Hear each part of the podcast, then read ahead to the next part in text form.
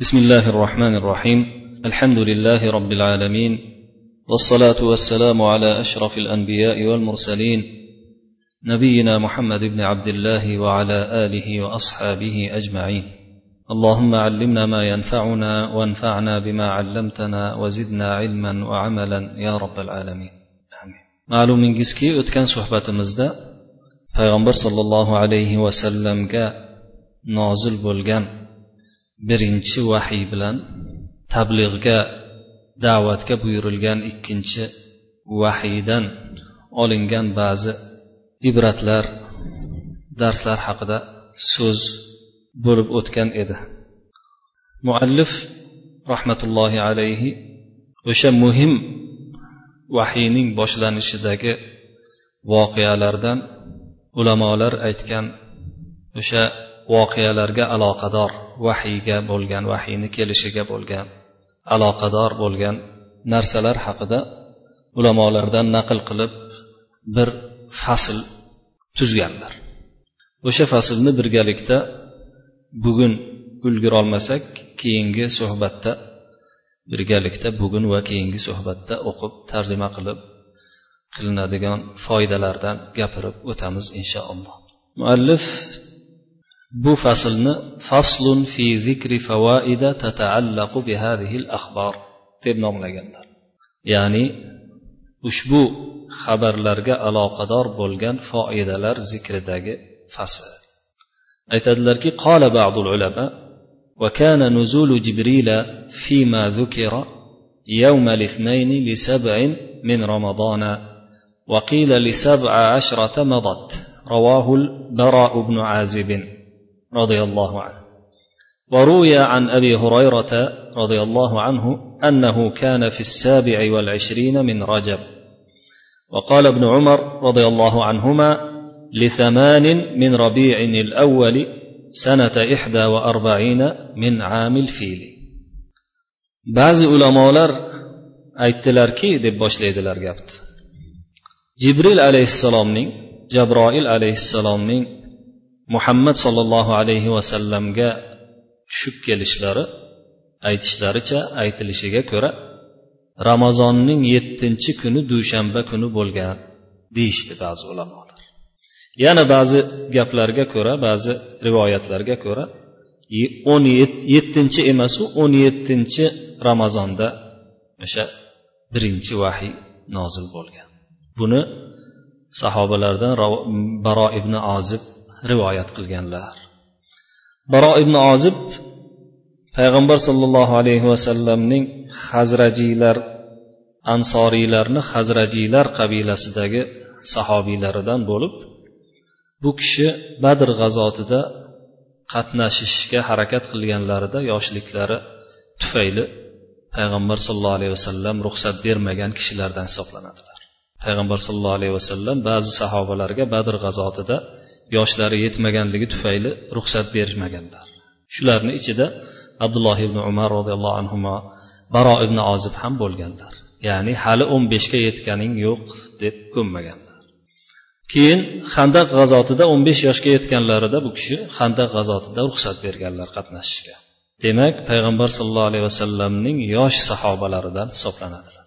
Umrlari ancha uzoq bo'lib keyin payg'ambar sollallohu alayhi vasallamdan keyin ham xulafoi arbaa to'rtta xalifalarni davrlarida ham u kishilardan keyin ham yashab yetmish ikkinchi hijriy yilda taqriban vafot etgan sahobalardan hisoblanadilar o'sha sahobiyni rivoyat qilishlariga qaraganda ramazonning o'n yettinchi kuni payg'ambar sollallohu alayhi vasallamga birinchi vahiy nozil bo'lgan.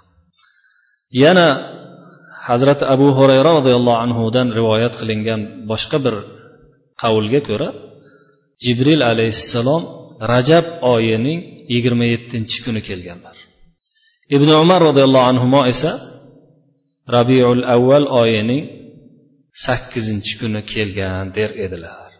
Ya'ni fil yilidan qirq bir qirq birinchi yil o'tayotgan paytda ya'ni fil yiliga qirq yil to'lib ma'lumki fil yilida payg'ambar sallallohu alayhi vasallam tug'ilganlar.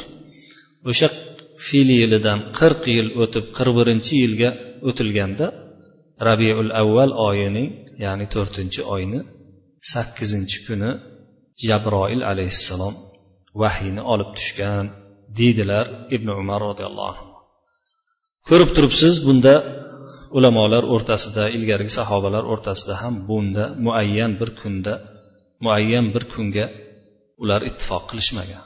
shuning uchun biz ham bu yerda qattiq jazman aytadigan biron bir dalilimiz bo'lmaganligi uchun buni jazman aytib bo'lmaydi keyingi naqlda muallif ibn qayyim rahmatullohi alayhidan naql qiladilar aytadilarki ya'ni ibn qayyimni zodil maot kitoblaridan naql qilib وقال ابن القيم واحتج القائلون بأنه كان في شهر رمضان بقول الله تعالى شهر رمضان الذي أنزل فيه القرآن.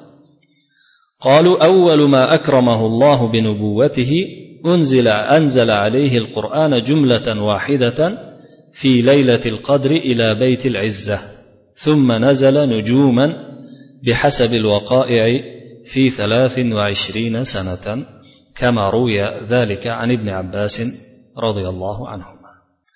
ابن القيم aytadilarki deydilar muallif ramazon oyida nozil bo'lgan qur'on ya'ni vahiyni boshlanishi ramazon oyida boshlangan deyuvchilar alloh taoloni surai baqarada kelgan ushbu oyatini dalil qiladilar. Ramazon oyiki qur'on unda nozil bo'lgan oy deb baqarada shunday oyatni alloh subhanava taolo nozil qilgan. Ya'ni qur'on nozil bo'lgan oy deb sifatlagan ramazon oyini shundan olib ulamolar aytadilarki alloh subhanahu va taolo payg'ambarini o'zini payg'ambarligi bilan ikrom qilishini e'zozlashini birinchi boshi qur'onni unga bir yo'la laylatul qadr kechasida baytul izza degan joyga ya'ni azizlik uyiga tushirgan avvalo qur'onni. Keyin voqealar rivojiga ko'ra yigirma uch yil davomida bo'lib bo'lib tushirilgan deb ibn abbos roziyallohu anhudan rivoyat qiladilar. Baytul izza ya'ni izzat uyi degan joy ulamolarni aytishiga qaraganda yetti qavat osmonni birinchi pastki qavatida hisoblanadi. Ibn abbos roziyallohu anhudan shunday rivoyatlar. Bu haligi qur'onda kelgan payg'ambar sallallohu alayhi vasallamni boshqa hadislarida kelgan baytul ma'mur emas. Baytul ma'mur yettinchi osmonda.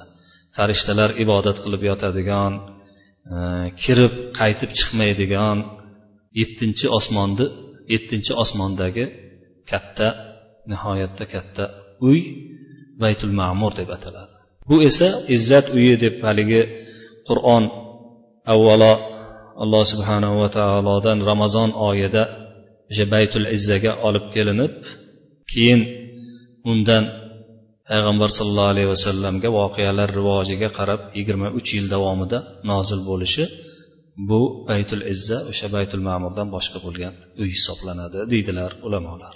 Demak bu oyat ham ya'ni yuqoridagi baqara surasida kelgan qur'on nozil bo'lgan ramazon oyi degan oyat ham qat'iy bir vahiyni birinchi kuni vahiyni birinchi kelishi ramazonda bo'lgan degan davoga dalolat qilishda aniq bir hujjatni qoyim qilmayapti. Shuning uchun ulamolar ixtilof qilganlar.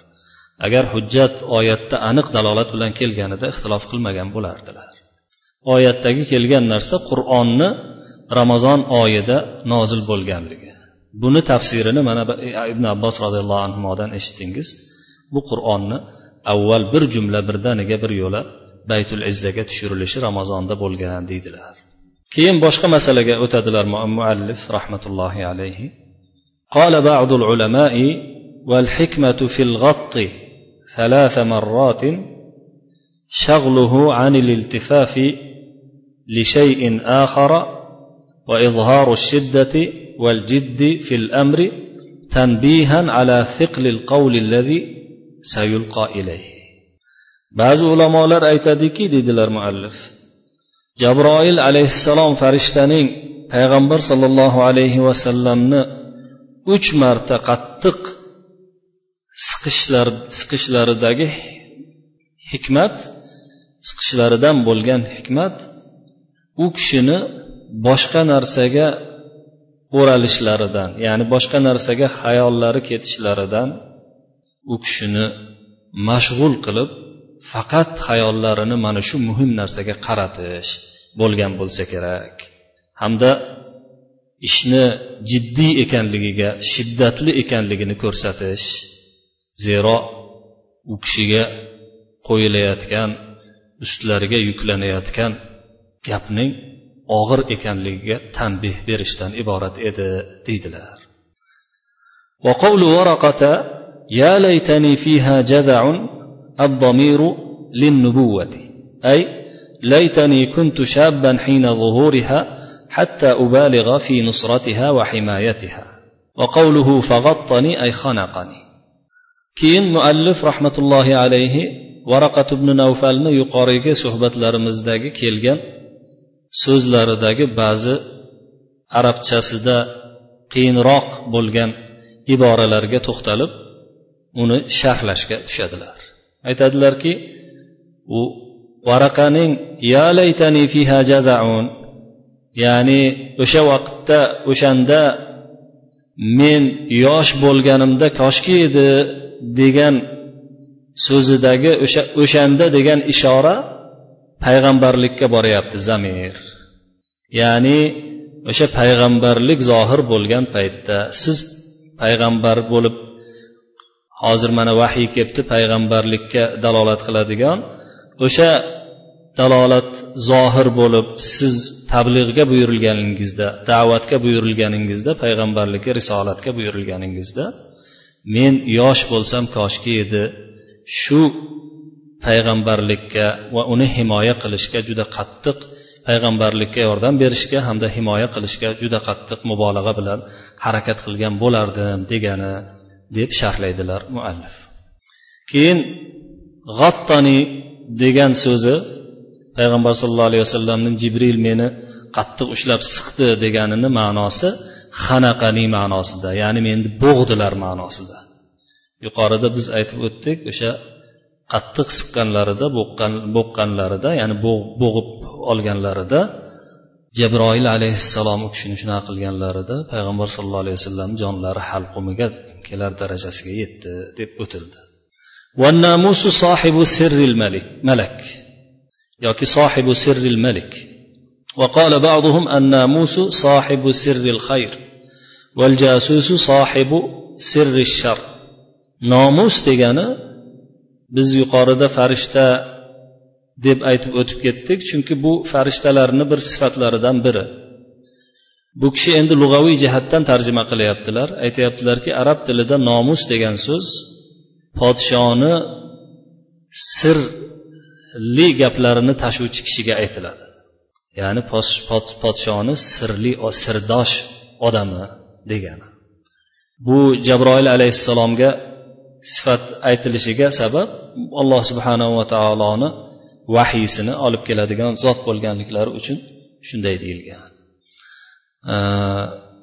Yana ba'zi kishilarni gaplariga qaraganda arab tilida nomus degan so'z yaxshilik sirini yaxshilik sirdoshi bo'lgan kishi josus degan so'z esa yomonlik sirdoshi bo'lgan kishiga aytiladi. Shuning uchun ham ikkovi bir siyg'ada kelyapti bir shaklda kelyapti. Foul vaznida. Nomus yaxshilik sirli yaxshilik narsalarni ko'tarib yuruvchi josus esa yomon sirli narsalarni ko'tarib yuruvchiga aytiladi deyishadi. O'sha paytda varaqat ibn navfalni so'zlarida ansurka nasron muazzaron degan o'tgan suhbatlarimizdan birida o'tdi. ya'ni sizga juda qattiq yordam beraman degan muazzar so'zi o'tdi azr degan lafzdan olingan azr degani kuch va yordam ma'nolarini anglatadi deydilar واليافوخ مهموز واليأفوخ مهموز ولا يقال لرأس الصبي يأفوخ حتى حتى يشتد وإنما يقال له الع...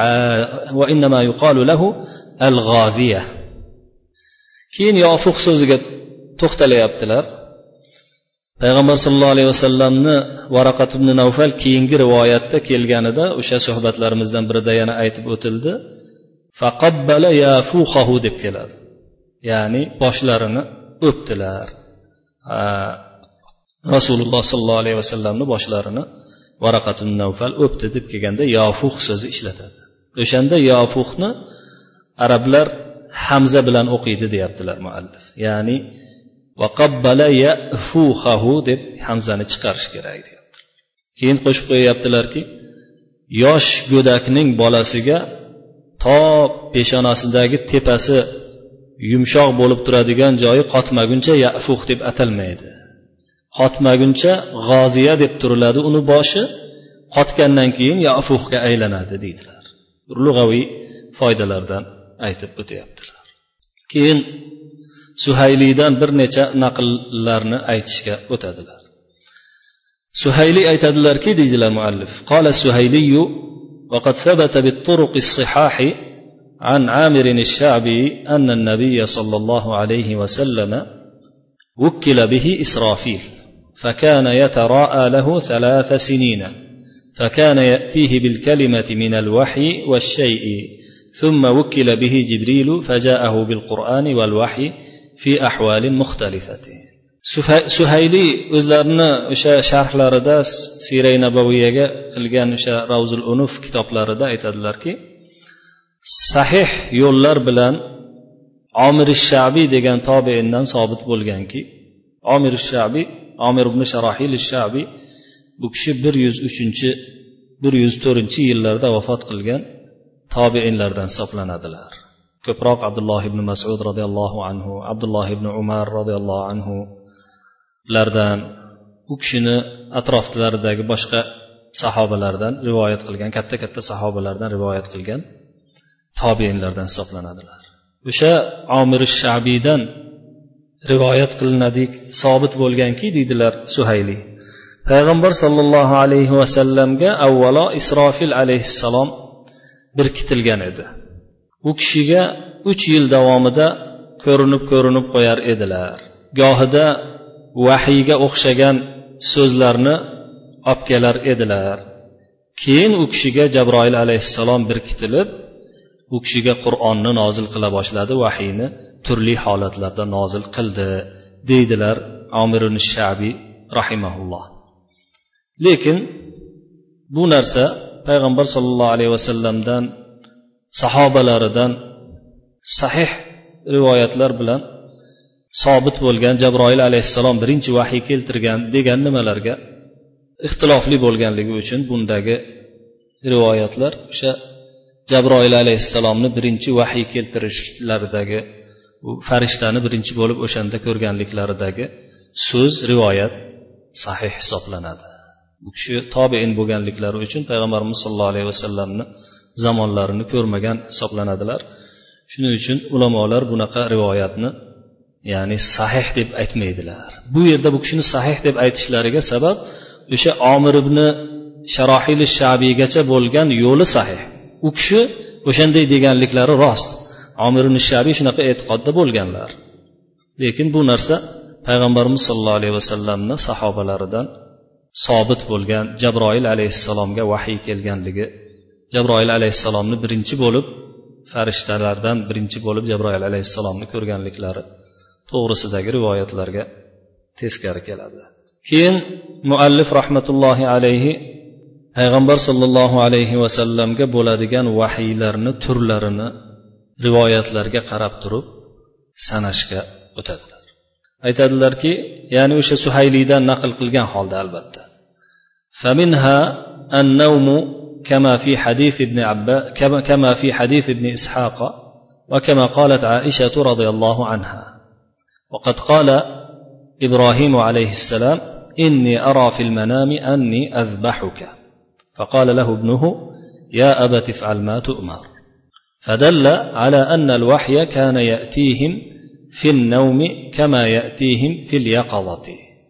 قال عبيد بن عمير رؤيا الأنبياء رؤيا الأنبياء وحي وتلا الآية payg'ambar sollallohu alayhi vasallamga keladigan vahiylarni turlaridan biri uyqudir uyqularida keladigan tushlardir bu yerda navmdan murod tush ana ibn ishoqni hadislarida yuqorida o'tgan edi oysha onamiz ham shu gapni aytganlar birinchi boshida jabroil alayhissalomni kelishlaridan oldingi holatlarini vahiyni boshlashlarini aytganlarida sahihaynda yuqorigi suhbatlarda aytib o'tildi.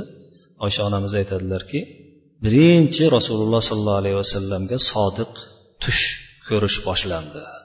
Payg'ambarlarni tushi esa haq va vahiy bo'ladi. Ibrohim alayhissalom aytganki deyaptilar bu yerda. O'sha soffot surasida ibrohim alayhissalom o'g'illarini so'yib turganliklarini tush ko'radilar. O'shani oyatda keladi. Zikri. Inni ara fil manami anni azbahuka. Men uyquda seni so'yib turganimni ko'ryapman dedilar ibrohim alayhissalom o'g'illariga xitoban. O'g'illari esa o'sha vaqtda ibrohim e, ismoil alayhissalom dadalariga qarata yoshgina bo'lsalar ham ya abatif alma tu'mar. Ey otajon buyurilayotgan narsangizni qiling dedilar. Shu dalolat qildiki deydilar bu yerda. Vahiy ularga uyquda ham tushda ham kelar ekan. Xuddi uyg'oqlikda kelganidek tushda ham ularga vahiy kelar ekan. Ubayd ibn umayr degan tobeindan keyin naql qilyaptilarki u kishi aytadilarki ubayd ibn umayr payg'ambarlarni tushi vahiy hisoblanadi deb keyin o'shani dalolatiga daliliga yuqoridagi ibrohim alayhissalomni qissalaridagi oyatni o'qidilar ومنها أن ينفث الكلام في روعه نفثا. أن ينفث الكلام في روعه نفثا. كما قال النبي صلى الله عليه وسلم إن روح القدس نفث في روعي أن نفسا لن تموت حتى تستكمل رزقها. فاتقوا الله وأجملوا في الطلب. ولا يحملنكم ولا يحملنكم استب ولا يحملنكم استبطاء الرزق على أن تطلبوه بمعصية الله. فإنما عند الله لا ينال إلا بطاعته. رواه ابن أبي الدنيا في القناعة وصححه الحاكم. keyingi qismi farishtaning payg'ambar sollallohu alayhi vasallamni qalblariga puflab qo'yishlaridir vahiyni mana payg'ambar sollallohu alayhi vasallam sahih bir hadisda aytadilarki ruhul qudus deydilar. Ruhul qudusni ma'nosi muqaddas ruhni ma'nosini bilasizlar kim maqsud ekanligini bu jabroil alayhissalom. Ruhul qudus menga meni qalbimga pufladiki ya'ni shu ma'nolarni pufladi. Anna nafsan lan tamuta. Biron bir jon o'z rizqini komil olmaguncha hech qachon o'lmaydi. Demak shunday ekan alloh taolodan qo'rqinglar va rizq talab qilishda chiroyli yo'llarni tanlanglar halol yo'llarni tanlanglar. Rizqni kam ko'rib qolishlaring rizqni kechikib kechikib qolayotganiday ko'rinishi sizlarga kechikib qolayotganday ko'rinishi sizlarni ollohni ma'siyatiga qo'shib turib rizqni talab qilishga undab qo'ymasin zero alloh subhanahu va taoloni huzuridagi narsa uning toati bilangina olinadi ma'siyati bilan emas degan hadisni boshidagi o'sha nafasa fi ru'i meni qalbimga ruhil qudus ya'ni jabroil alayhissalom pufladi degandagi vahiyni bir turi ekanligiga dalolat deb shuni keltiryaptilar bu hadisni aytyaptilarki muallif naql qilib ibn abid dunyo o'zlarini qanoat kitoblarida hamda hokim sahih qilgan qanoat kitoblarida ibn abid dunyo rivoyat qilgan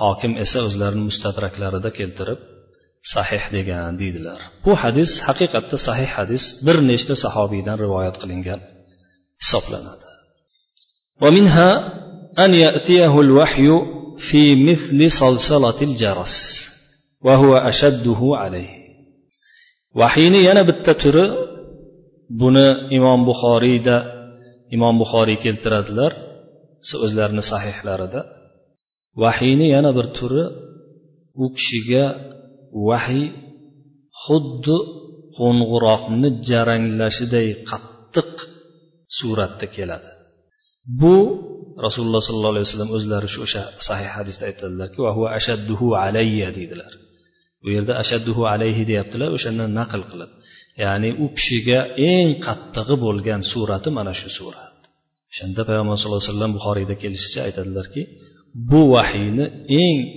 qattiq turi hisoblanadi menga وقيل إن ذلك ليستجمع قلبه عند تلك الصلصلة فيكون أوعى لما يسمع وأتقن لما يلقى حتى إن جبينه لا يتفصد عرقا في اليوم الشديد البرد حتى إن راحلته لتبرك به إلى الأرض. وجاءه مرة كذلك وفخذه على فخذ زيد بن ثابت فكادت تردها. aytishlaricha bu narsani bunday qattiq holatda vahiyni kelishiga sabab qalblarini o'sha qattiq jarang ovozda qalblarini to'plab olishlari uchun qalblariga to'plab olishlari uchun bo'lgan. O'shanda eshitayotgan narsalariga qattiq e'tibor berib onglab anglab olishlari chuqurroq bo'ladi. Hamda tashlanayotgan vahiyni mustahkamroq egallab oladilar deydilar ulamolar. Payg'ambarimiz sollallohu alayhi vasallamga kelayotgan bu vahiyni qattiqligi shu darajada ediki peshonalari nihoyatda sovuq kunda madinada xabaringiz bor kelganlar bilishadi qishlarda juda qattiq sovuq bo'ladi qora sovuq bo'ladi yomg'ir yog'masa ham. Odam to'nlarda o'tirsa ham tashqarida turganda to'nlardan ham o'tib ketadigan darajada sovuq bo'ladi. O'shanaqa qattiq sovuqlarda peshonalari terdan reza reza bo'lib turar edi. Ya'ni peshonalaridan ter oqib turar edi. Hatto ba'zan tuyalarini ustilarida bo'lsalar tuyada bo'lsalar tuyalari cho'kib qolar edi yerga qattiq vahiyni qattiqligida. Bir kuni sonlari zayd ibn sobit bilan o'tirganlarida sonlari zayd ibn sobitni ustida turgan paytda ya'ni sonlarini u kishini oyoqlariga qo'yib o'tiruvdilar o'sha vaqtda vahiy kelib qoldi vahiy kelib qolganda o'sha sonlari zayd ibn sobitni sonlari bu kishini oyoqlarini tagida bo'lganligi uchun yorib yuboradigan darajagacha qattiq bo'lib ketdi fakada tarudduha degani ezib yorib yuborishiga sal qoldi ya'ni bu vahiyni eng qattig'i ekan ومنها أنه ومنها أن يتمثل له الملك رجلا فيكلمه. فقد كان يأتيه في صورة دحية بن خليفة الكلبي ويروى أن دحية إذا قدم المدينة لم يبق معصر إلا خرجت تنظر إليه وإلى جماله. وقال ابن سلام في قوله وإذا رأوا تجارة أو لهوا قال أله كان نظرهم أو أله كان نظرهم إلى وجه دحية لجماله yana bir turi vahiyni yana bir turi farishta jabroil alayhissalomning u kishiga inson suratida ko'rinishlaridir inson suratida ko'rinib gapirar edilar u kishini oldilariga ko'pincha dehyat ibn xalifa al kalbiy degan sahobiyni suratida kelar edilar rivoyat qilinishicha deb qo'shib qo'yyaptilar bu yerda endi suhayli. Rivoyat qilinishicha dehyat ibn xalifa al kalbiy madinaga kelsa biron bir yosh qolmasdiki ya'ni qizlar ham qolmasdan tashqariga chiqib u odamga ko'rish uchun jamolini ko'rish uchun yugurib chiqishar edi deb rivoyat qilib qo'yyaptilar. Ya'ni bu yerdagi rivoyatdan murod u odamni benihoya qattiq jamol berilganligini keltirish. Muallifni murodi shu narsa. Bu narsa o'sha e, ba'zi ayollarni chiqishlariga masalan chiroylini ko'rganda chiqishga ruxsat degan ma'nolarni hech qachon anglatmaydi. Buni yaxshi tushunib turibsiz.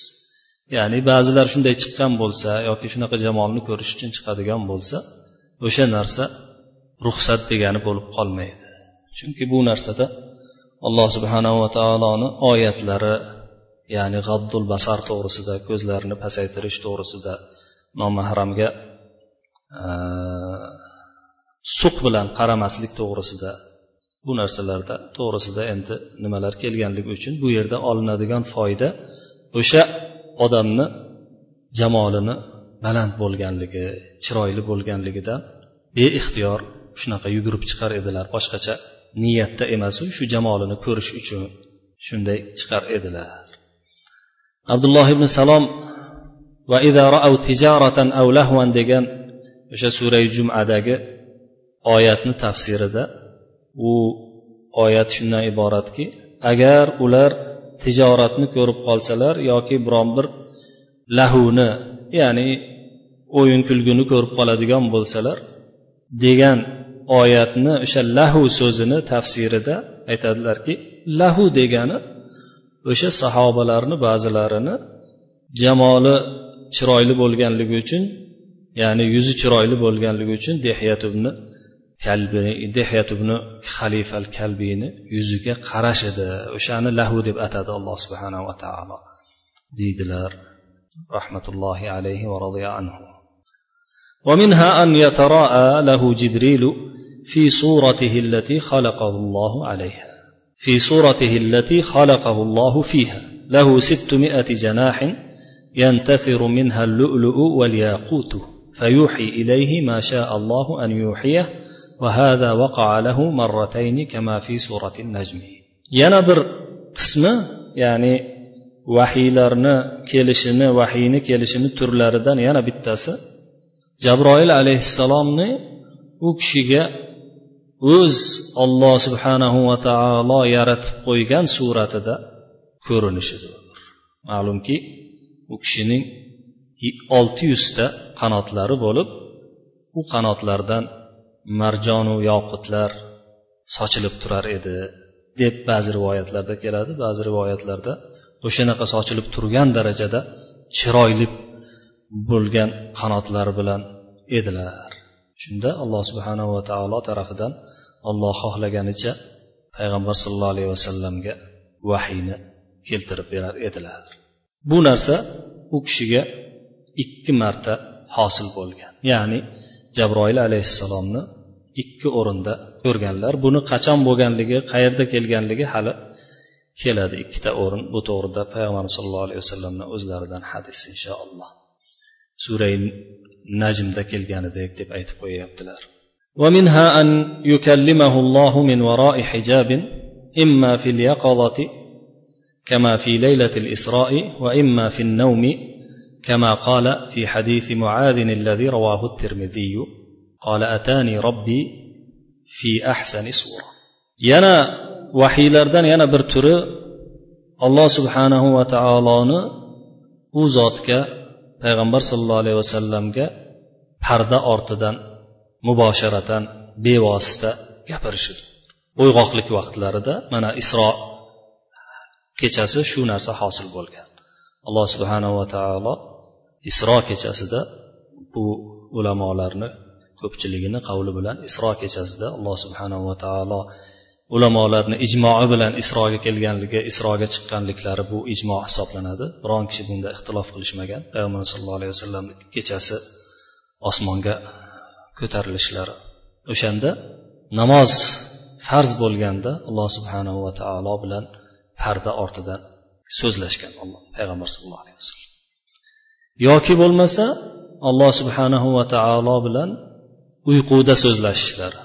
Mana imom termiziy rivoyat qilgan hadisda muoz ibn jabal roziyallohu anhudan rivoyat qilgan hadisda payg'ambarimiz sollallohu alayhi vasallam aytadilarki rabbimni eng chiroyli suratda ko'rdim deydilar.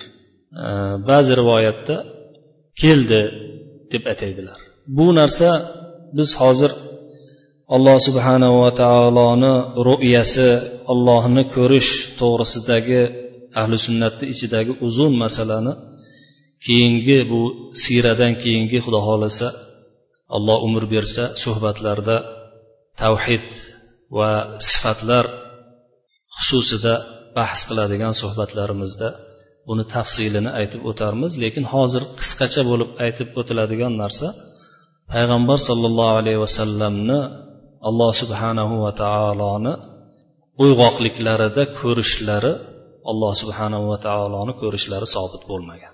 Uyquda ko'rganliklari to'g'risida ba'zi rivoyatlar bor. Mana shu rivoyatlarga o'xshagan bunga keyingi haligi shunga xos bo'lgan suhbatlarda inshaalloh to'xtalib o'tamiz. Bizni hozirgi nimalarimiz hozirgi nimamiz bu yerda bir ishora qilib vahiyni qanday kelganligi to'g'risida ishora qilib o'tib ketish. Shuning uchun ham bu hadis bu kishi keltirgan hadisni tafsilotiga o'sha paytlarda inshaalloh batafsil to'xtaladi xudo xohlasa. Keyin muallif aytyaptilarki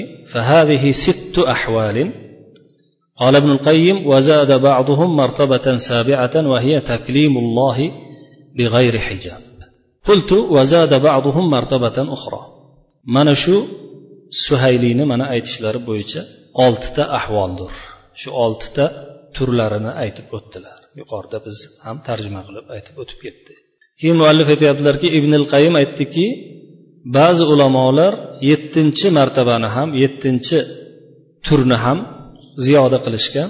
Bu narsa esa alloh subhanahu va taolo bilan bandasini payg'ambarini hijobsiz so'zlashishi deb aytib o'tishgan ba'zi ulamolarni aytganini bu yerda qisqacha qilib aytib o'tib ketyaptilar. Buni aytib o'tdik. O'sha ru'yani bobida inshaalloh sifatlar bobida batafsil bu narsa to'g'risidagi ixtiloflar bu narsa to'g'risidagi ulamolarni turli qarashlari tafsilan inshaalloh. umr bersa alloh subhanava taolo aytib o'tiladi. Keyin bu kishi muallif aytyaptilarki men aytamanki yana bir ulamolardan ba'zilari yana bir martabani qo'shganlar.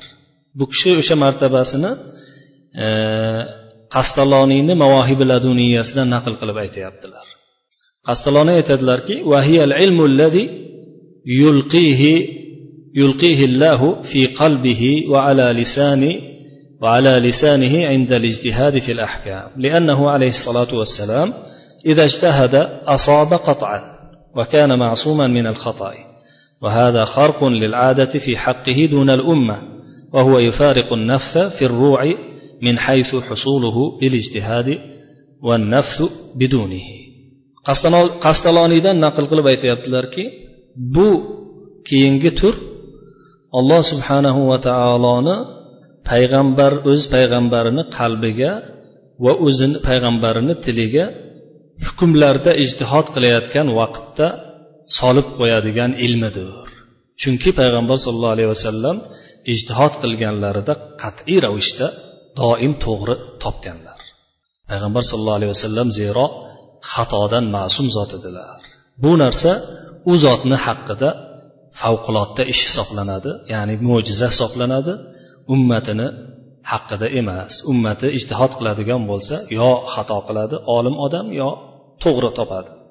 Lekin payg'ambar sallallohu alayhi vasallam diniy nimalarda ijtihod qiladigan bo'lsalar doim xatodan ma'sum zot hisoblanadilar. Chunki dinni yetkazuvchi zot biron marta xato qilmaydi. Bu vahiyni bu uslubi esa deydilar bu turi esa qalbga puflanadigan turga qaraganda boshqacharoq bo'ladi chunki bu narsa ijtihod bilan hosil bo'layapti qalbga puflanadigan narsa esa ijtihodsiz shunday qalbga o'rnatib qo'yilyapti deydilar qastaloniy rahmatullohi alayhi وقد ذكر بعضهم أن الحال كان يختلف بالوحي باختلاف مقتضاه فإن نزل بوعد وبشارة نزل الملك في صورة الآدمي وخاطبه من غير كد وإن نزل بوعيد ونذارة كان حينئذ كصلصلة الجرس انتهى بعض علماء ذكر qilishicha bu vahiyni turlaridagi holat vahiyga qarab turib o'sha vahiyni muqtazosiga qarab sabablariga qarab o'zgarib turar edi masalan va'dalar xushxabarlar nozil bo'ladigan bo'lsa farishta odam odamiy ya'ni inson suratida chiroyli suratda kelib qiyinlik bermasdan xitob qilib ketar edi. Qo'rqutuvlar vaidlar ogohlantirishlar bilan nozil bo'lganda o'shanaqa haligi tepada payg'ambar sallallohu alayhi vasallamga og'ir nozil bo'ladigan holatida bo'lib o'sha qo'ng'iroqni ovoziday qattiq jaranglaydigan ovoz holatida kelar edi deydi ba'zi ulamolar. Keyin muallif rahmatullohi alayhi o'sha iqro surasini boshidagi birinchi vahiy nozil bo'lgan oyatlar hamda undan keyingi muddassir surasini boshidagi tablig'ga da'vatga buyurilganlardagi oyatlar haqidagi foydalarni zikr qilishga suhayliydan naql qilib va boshqa ulamolardan naql qilib o'tadilar. Biz o'sha suhbatlarni o'sha foydalarni keyingi suhbatga qoldiramiz hozir esa sizlar bilan xayrlashamiz va sallallohu وسلم وبارك على نبينا محمد وعلى اله وصحبه اجمعين والسلام عليكم ورحمه الله